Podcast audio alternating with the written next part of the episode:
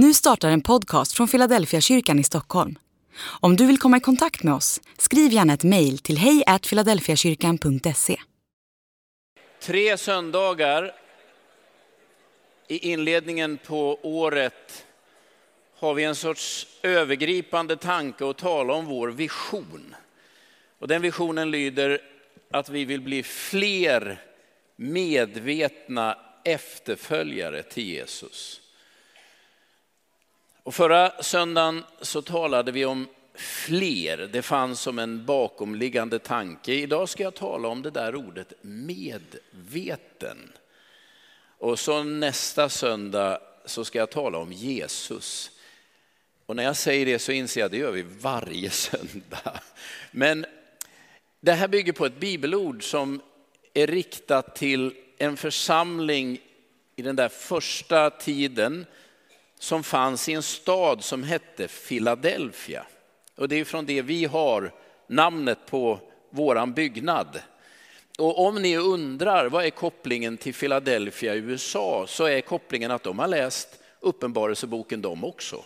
Och om ni undrar hur det hänger ihop med den där osten man ibland använder så beror det på att det kommer från den där staden som har läst i Uppenbarelseboken. Så allt sitter ihop men jag tror att vi ska tänka att det är vi som har patent på Philadelphia. Så låt mig ta med er till Uppenbarelseboken kapitel 3 och så ska jag läsa vers 7 och vers 8. Och när du lyssnar här, på det här, det är ju skrivet i en församling för 2000 år sedan, så ska du ändå tänka att ah, vi tror att det här också gäller oss. Det är så vi ska tänka. Och skriv till ängeln för församlingen i Philadelphia. Så säger den helige, den sannfärdige. Han som har Davids nyckel, han som öppnar så att ingen kan stänga och stänger så att ingen kan öppna. Jag känner dina gärningar. Se, jag har ställt en dörr öppen för dig som ingen kan stänga. Din kraft är ringa, men du har bevarat mitt ord och inte förnekat mitt namn. Och det jag vill ta upp en liten stund idag är det där uttrycket du har bevarat mitt ord. Och då kommer jag att ha två punkter som egentligen är påståenden, bägge om ordens betydelse och sen har jag en tredje punkt som är en fråga till dig lika väl som till mig och till oss. Vilket ord är det vi bygger våra liv runt omkring. Men först två påståenden. Det första påståendet är att Bibeln säger om och om igen att Gud skapar den här världen med sitt ord. Alltså ordet föregår hela verkligheten och skapelsen. Guds ord är den tändande gnistan för allt du ser omkring dig. En hisnande tanke. Jag vill läsa ifrån eh, Bibelns första bok, första Mosebok kapitel 1. Jag läser från vers 1 och ett stycke framåt. I begynnelsen skapade Gud himmel och jord. Jorden var öde och tom. Djupet täcktes av mörker och en Guds vind svepte fram över vattnet. Gud sa, där kom det. Gud sa, ljus bli till och ljuset blev till. Man kan ju se många saker framför sig. Lite mer naivt kan man tänka sig någon sorts fadersfigur som talar och så skapas allt. Den är lätt att få i huvudet. Men det är så mycket mer som ligger bakom hela den här föreställningen att Gud skapar med sitt ord. Det där präglar hela den kristna världsförståelsen. Vad är skillnaden på ord och oljud? Ja, men oljud är ju bara stressande. De betyder ju ingenting. De kan vara enormt irriterande. Men ord har ju en mening. När vi säger att Gud skapar världen med sitt ord så säger vi som en första och avgörande punkt, allt har en mening. Varför? Gud har skapat med sitt ord och ord är ju intellektets verktyg för att bringa någon sorts ordning och reda i tillvaron. Detta är den kristna utgångspunkten inför alla mysterier i den här världen. Det finns en gudomlig mening med detta. Och när du ibland tänker på dig själv och funderar på vad ska jag gå för utbildning, vad ska jag jobba med och vad ska jag göra framåt i mitt liv? Då ska du alltid ha i bakhuvudet att du inte är en slump. Det är inte en, en massa händelser utan någon sorts sammanhang som gör att du finns. Gud har talat sitt ord och så blev du till. Det finns en mening inbyggd i hela den här världen. Det andra, ord, språk, det har ju en grammatik, en, en ordning.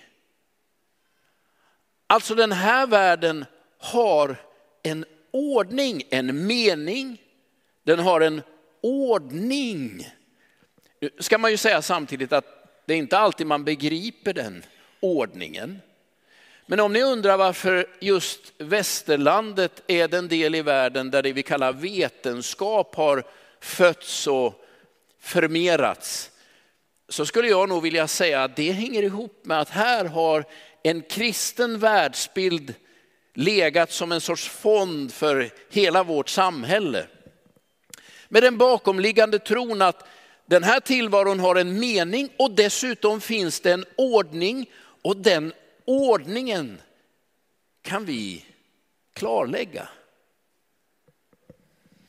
Och det tredje man kan säga är att om det är ett ord, då kan vi också förstå det. För ord, poängen med ett ord är ju att vi kan avkoda det. Det kanske är ett nytt språk, men det kan vi lära oss. Det betyder inte att allt är enkelt eller lättillgängligt, men när vi säger att Gud skapar den här världen med sitt ord, då säger vi ett, den här världen har en mening. Vi säger två, den här världen har någon ordning. Vi säger tre, det går att på något sätt förstå det här. Nu kan man ägna hela sitt liv åt detta, men det finns någon sorts begriplighet. Det är inte bara kaos. Så nu tänkte jag vi ska göra en sak tillsammans. Nu ska ni säga efter mig. Är ni med? Ett, ordning. Mening.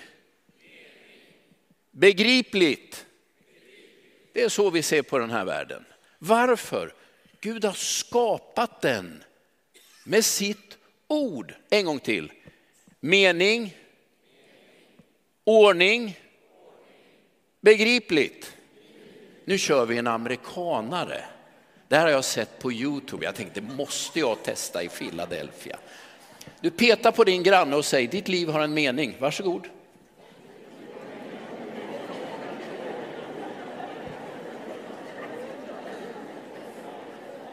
Vad osvenskt det där känns. Men visst är det en uppmuntrande tanke. Och det betyder inte att vi alltid kan beskriva ordningen, beskriva meningen eller förklara allt. Det är inte det vi säger, men vi säger att det här, den värld vi nu lever i, det är inte bara en, en, en kedja av obegripliga slumpvisa mutationer och händelser. Nej, det finns en ordning, en mening och vi kan på något sätt få tag i detta. Håll nu kvar den där, de här tre orden. Ordning, mening, begripligt. Eller mening, ordning, begrip. Det här borde ni, när ni kommer hem imorgon, så om det är något ni ska kunna upprepa, då är det de här tre, ord, de här tre orden. Hur är det här livet? Ja, det finns en mening, det finns en ordning och jag kan faktiskt få tag i det. Det är en kristen grundsyn på den här världen. Det andra jag vill säga, det är att orden också skapar min värld och din värld. Jag har berättat flera gånger, här kommer det igen, om ett av mina första minnen. Det är från Föreningsgatan i Västerås. Vi bodde där mina tre första levnadsår. Strax innan jag fyllde tre år flyttade vi till Kultgatan i Brantovda. Men det här utspelar sig på Föreningsgatan. Vi bodde, jag vill minnas, i trevåningshus. Högst upp bodde en kvinna som gick under eh, beteckningen arga tanten. För varje gång vi barn drog oss ut mot parkeringsplatsen kom hon ut på balkongen och skrek. Nu inser man som vuxen, det var ju bara av omsorg, men då sa vi, det är arga tanten. Jag har ett sånt här starkt barndomsminne som har präglat mig. Jag skulle gissa jag var två och ett halvt, närmare tre år gammal. Vi gick på trottoaren utanför där på Föreningsgatan och pillade loss tuggummin. Det var rosa tuggummin och det var gröna tuggummin. Och de tuggummina när vi väl fick loss dem stoppade vi i munnen. Det knastrade, jag kommer fortfarande ihåg det. Och sen för att alla i den här gemenskapen ändå skulle få en smak på skillnaden mellan det rosa och det gröna så bytte vi det här så att alla fick en chans. Det är ett av mina allra första minnen. Jag har ett annat minne och det var när min mamma på Föreningsgatan var hos hårfrisören och satt med någon sån här stor rymdapparat över huvudet. Eh, och där satt ett antal damer bredvid henne och jag kan fortfarande se dessa uppradade damer framför mig med de här enorma huvarna. Det var förmodligen för att permanenta eller locka håret. Men det där var väl förmodligen någon sorts skräckupplevelse som jag tidigt i livet fick. Jag har faktiskt ett minne till när jag sitter i barnvagnen. Jag kommer ihåg det. Och min stora syster står framför mig. Och när vi i familjen har försökt härleda vad det där är för något, då är min mamma helt övertygad om att det måste vara när din stora syster börjar förskolan. Det var en stor händelse, den har etsat sig fast. Har ni någon gång funderat på var era första minnen dyker upp? Varför minns man ingenting av sitt första levnadsår? Och många knappt heller någonting från det andra levnadsåret. Alltså två av de absolut mest viktiga och formativa åren i ens liv, de är helt borta. Jag har, jag har faktiskt aldrig mött någon, hittills i alla fall, som har sagt, ja, jag tvivlar på att jag lever. Varför det? Jag minns inte när jag föddes. Ingen av oss minns ju förlossningen. Jag vet att det finns en del sådana här primal terapeuter som menar att det går att ta sig tillbaka känslomässigt, men jag är väldigt tveksam. Nej, men vi vet idag att minnet är kopplat till språket. Det vill säga dina minnen, de börjar fästa ungefär samtidigt som ditt språk tar form. Alltså vi formas av ord, hela vårt minne bygger på ord. Man har ju forskat på små barn och så har man insett att barn som kan namnet på en pryl, de kommer ihåg den prylen, men barn som inte kan namnet på prylen, de vet inte vad det är. Alltså att ha ett ord för något gör att minnet funkar bättre. Och ännu mer hisnande, det här vet ni också, när ni kan namnet på en person, då är möjligheten mycket större att ni kommer komma ihåg den personen än om ni inte har ett namn. Har ni ett namn sitter i minnet. Inget namn, då börjar det bli suddigt. Alltså vi formas, hela vår värld och verklighet formas ju av ord, medvetet eller omedvetet. och ni vet, alla ni vet, att det finns ord som människor har sagt till er i ett avgörande läge i livet som har bränt sig fast och som gör er till dem ni är. Skälet till att jag sitter här, att jag är pastor, att jag har valt den här vägen har jag aldrig uppfattat är mitt eget val. Men när jag blev kristen i 17 års ålder, vid några tillfällen kom några människor till mig och så sa de, jag har ett ord från Gud till dig. Och så profeterade de över mig. Och de där orden formade hela min person. På gott och på ont. Vi har ju alla de här erfarenheterna. Ord har hullingar. Ord uttrycker kallelse. Ord uttrycker kärlek. Ord kan också skapa förkastelse. Orden präglar oss. Min fråga, vad är det för ord du väver ditt liv omkring? Det är ju inget man går och tänker på.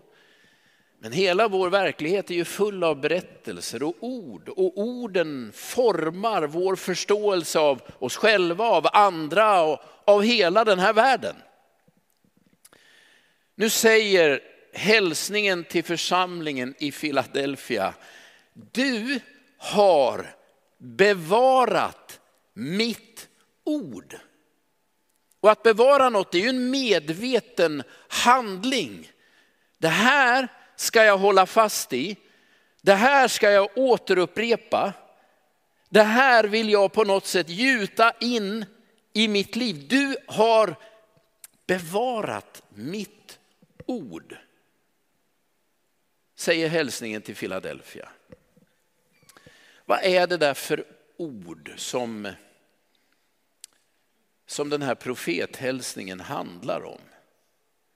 Ja, I en mening skulle man kunna tänka det är bibelordet. Och det är både ja och nej på den, för det är det. Men det är något mer precis. Får jag läsa för er från Johannes evangelium? Johannes kapitel 1. Och de tre första verserna, lyssna nu. I begynnelsen fanns ordet och ordet fanns hos Gud och ordet var Gud. Det fanns i begynnelsen hos Gud. Allt blev till genom det och utan det blev ingenting till av allt som finns till. Det är ju möjligen en något filosofisk beskrivning, men när man läser vidare så inser man att det där ordet som fanns i begynnelsen, som var Gud, genom vilket allting har blivit skapat, det ordet är egentligen Jesus själv. Så när den här hälsningen kommer till Philadelphia som säger du har bevarat mitt ord, så är det med stor säkerhet så att det är berättelsen om Jesus. Vad han sa, vad han gjorde och vad han vill med oss. Det är det ni aktivt har bevarat upprepat, hållit fast i. Det finns så många andra ord och så många andra berättelser, men det har ni hållit i. När vi säger att vi vill bli fler medvetna efterföljare, det där ordet medveten, då tänker vi att det är en, en sorts aktivitet, en inställning som man behöver ikläda sig. Jag ska bevara det här ordet och jag ska väva mitt liv runt det här ordet. Jag ska återupprepa det här ordet. För det är ett ord jag kan leva med och det är ett ord jag kan dö på. Det är ett ord som ger mig kraft. Det är ett ord som håller. Jag läste för, ja, det, jag minns inte när det var, jag läste en berättelse, jag kan inte riktigt säga vad det var. Men det var, det var någon människa, det var med anledning av de kristider vi upplever nu. Det, ni vet, det är oroligt i världen och, och då undrar man, vad ska jag hålla mig till? Var det någon människa som hade sökt upp en själavårdare och försökt berätta för den här själavårdaren att jag har, jag har hittat tröst. Och själavårdaren frågar, vad, vad har du hittat? Ja, sa den här personen, det är helt fantastiskt. Jag har hittat ett ord. Och varje gång jag blir orolig, jag säger det ordet. Och då fylls jag av en sån frid. Och är det lite stökigt på jobbet, då går jag undan lite så säger jag det här ordet. Och när jag säger det, jag blir helt lugn och varm inombords. Och vet, själavårdaren han blir bara mer och mer intresserad. Vad är detta för ord? Vad har du hittat? Så han, han frågar, men, men, men berätta, vad är det för ord du har hittat? Då blir det en liten konstpaus, tittar den här människan på själavårdaren och tänker här kommer uppenbarelsen och så säger han Mesopotamien. Smaka på det ordet.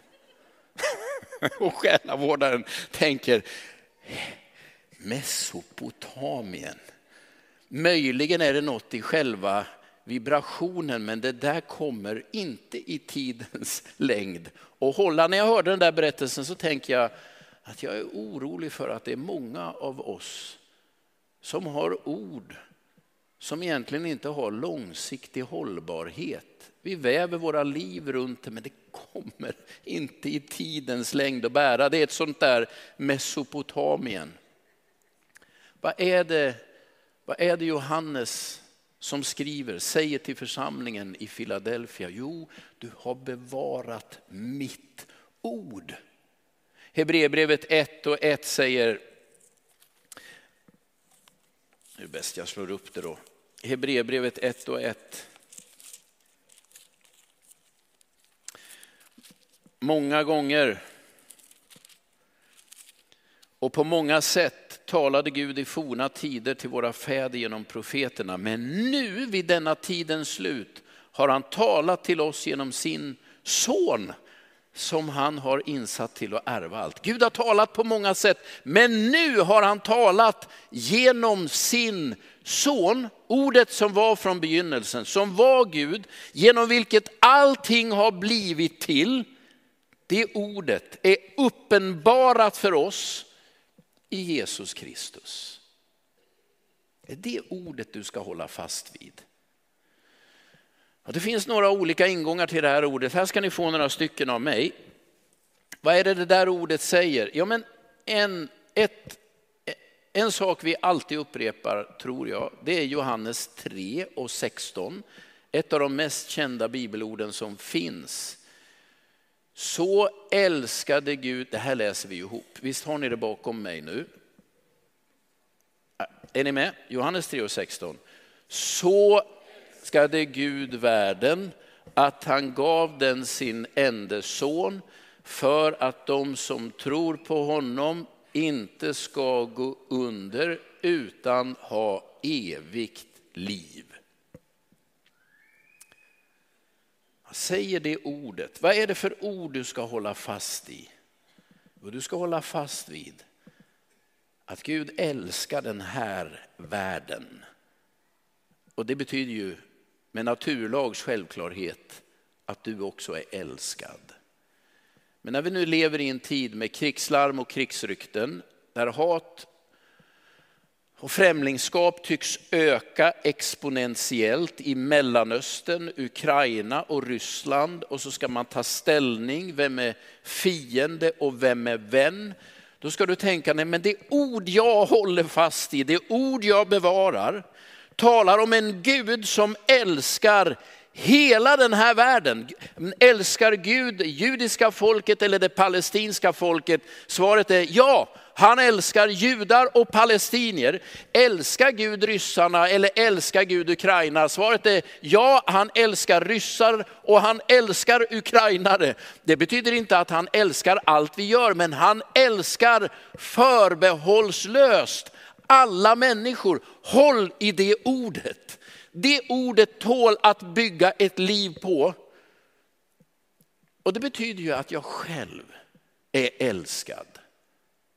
Inte allt jag gör, allt jag tänker, allt jag säger, men jag är älskad. Bevara det. Det betyder att du ändå aktivt kommer att behöva hålla fast i det här, återupprepa detta därför att det är så mycket som kommer att tala emot just det där ordet. Håll i, håll fast, medvetet följ Jesus. Det andra ordet som jag skulle vilja ge dig det är från Johannes 1 och 12. Och det ger jag därför att det fick jag när jag själv blev en kristen. Johannes 1 och 12 så står det, men åt alla de som tog emot honom gav han rätten att bli Guds barn, åt alla de som tror på hans namn. Vem är jag? Ja, det kan man ju svara hur mycket som helst på. Jag är pastor i Philadelphia, gift med Elena, pappa till fyra barn, heter Pienso för farsan kommer från Finland. Men den sannaste berättelsen om mig är inget av det jag nu sa. Det som är mest sant att säga om mig, det är att jag är och vill förbli barn till himmelens och jordens skapare. Det är berättelsen om mig och mitt liv. Och det kan vara berättelsen om dig och ditt liv. Är du framgångsrik? Har du haft misslyckanden? Går livet som du vill eller går det som du inte hoppas? Den avgörande frågan är, vad är ditt ursprung? Vems är du och vart är du på väg? Jag är barn till Gud. Och det är jag därför att Jesus har öppnat den vägen för mig.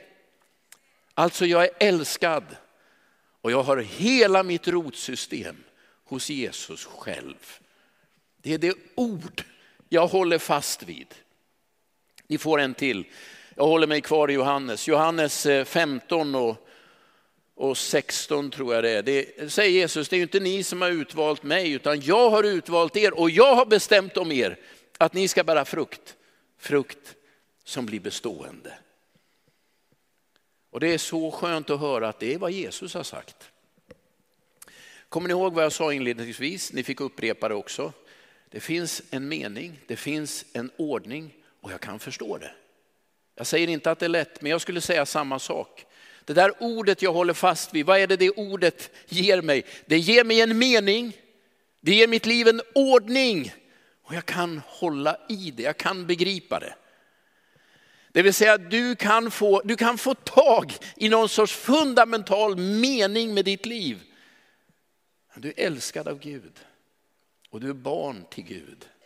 Det finns en ordning. Allt är inte bara kaos och upp och ner. Nej, Gud vill leda dig och han har bestämt att ditt liv ska bära frukt som blir bestående. Och ni vet ju i vår tid, nu ska man ju käka ett halvt kilo frukt och grönt per dag för Frukt är fyllt av fibrer, det är hälsosamt, av spårämnen, det är bra mot cancer. Mineraler, det gör ju att man blir pigg och hälsosam. Det Jesus säger det är att jag har bestämt att ditt liv ska få vara ljus, värme, välsignelse och energi för andra runt omkring dig. Det är min avsikt med dig, det finns en ordning. Men du brottas ju, om du är som jag, med helt motsatta ord. Och då behöver man bestämma sig för, jag ska bevara det ordet. Jag ska bevara evangeliet om Jesus. Det är Jesus berättelsen jag har kopplat in i. Och om du undrar hur jag kopplade in i Jesus berättelsen så var det naturligtvis när jag blev en kristen, men kanske ännu mer när jag lät döpa mig. För när jag lät döpa mig, de tryckte mig bak, jag kommer ihåg hur vattnet strömmade in och ni vet, slemhinnorna var extremt retade för sötvatten in när man hamnar baklänges. Kommer aldrig glömma den händelsen. Vad betyder den? Det betyder att nu är jag och Jesus kopplade ihop. Som han begravdes och uppstod, så ska jag begravas och uppstå. Jag är hans, han är min. Och med detta vill jag säga, det är dop kommande söndag. Och vi skulle så gärna döpa dig. Det finns en mening med ditt liv. Det finns en ordning för ditt liv. Och du kan faktiskt börja förstå det. Så är det med världen. Våra liv formas av ord. Och det jag bara vill utmana, uppmuntra och önska det är väv ditt liv runt Jesus berättelsen. Du är älskad av honom. Du får bli barn till Gud och ditt liv ska bära frukt som är bestående. Det kan inte bli bättre. Så här skriver Paulus, nu tar jag det lite fritt ur minnet, i första Korintierbrevets 15 kapitel. Han säger, bröder jag vill påminna er om evangeliet som jag förkunnade, som ni tog emot, på vars grund ni står och genom vilket ni blir räddade. Jag vill påminna er om orden i min förkunnelse. Den håller ni väl fast vid? Annars var det bortkastat att ni kom till tro. Bland det första jag förde vidare till er, säger han, var detta jag själv har tagit emot, att Kristus dog för våra synder i enlighet med skrifterna, att han blev begravd, att han uppstod i enlighet med skrifterna. Därefter visade han sig för Kefas och sen för alla de tolv och sen visade han sig för 500 män vid ett och samma tillfälle. De, de flesta är fortfarande i livet men några har avlidit. Därefter visade han sig för mig. Detta ofullgångna foster, så kallar han sig själv. Men han säger, jag vill påminna er om evangeliet, om orden i min förkunnelse. Det håller ni väl fast vid. Det är det Johannes säger till församlingen i Philadelphia. Du har bevarat mitt ord. Vad är det för ord vi bevarar? Det är Jesus ordet. Du är älskad av honom. Du är kallad av honom. Han har bestämt något för ditt liv. Ja, jag har inte sett det. Nej, men han har bestämt det. Och du kan vara barn hos Gud. Det finns en ordning för ditt liv. Det finns en mening med ditt liv. Och du kan förstå det. Nu ska vi lyssna till en sång, sen ska vi be tillsammans.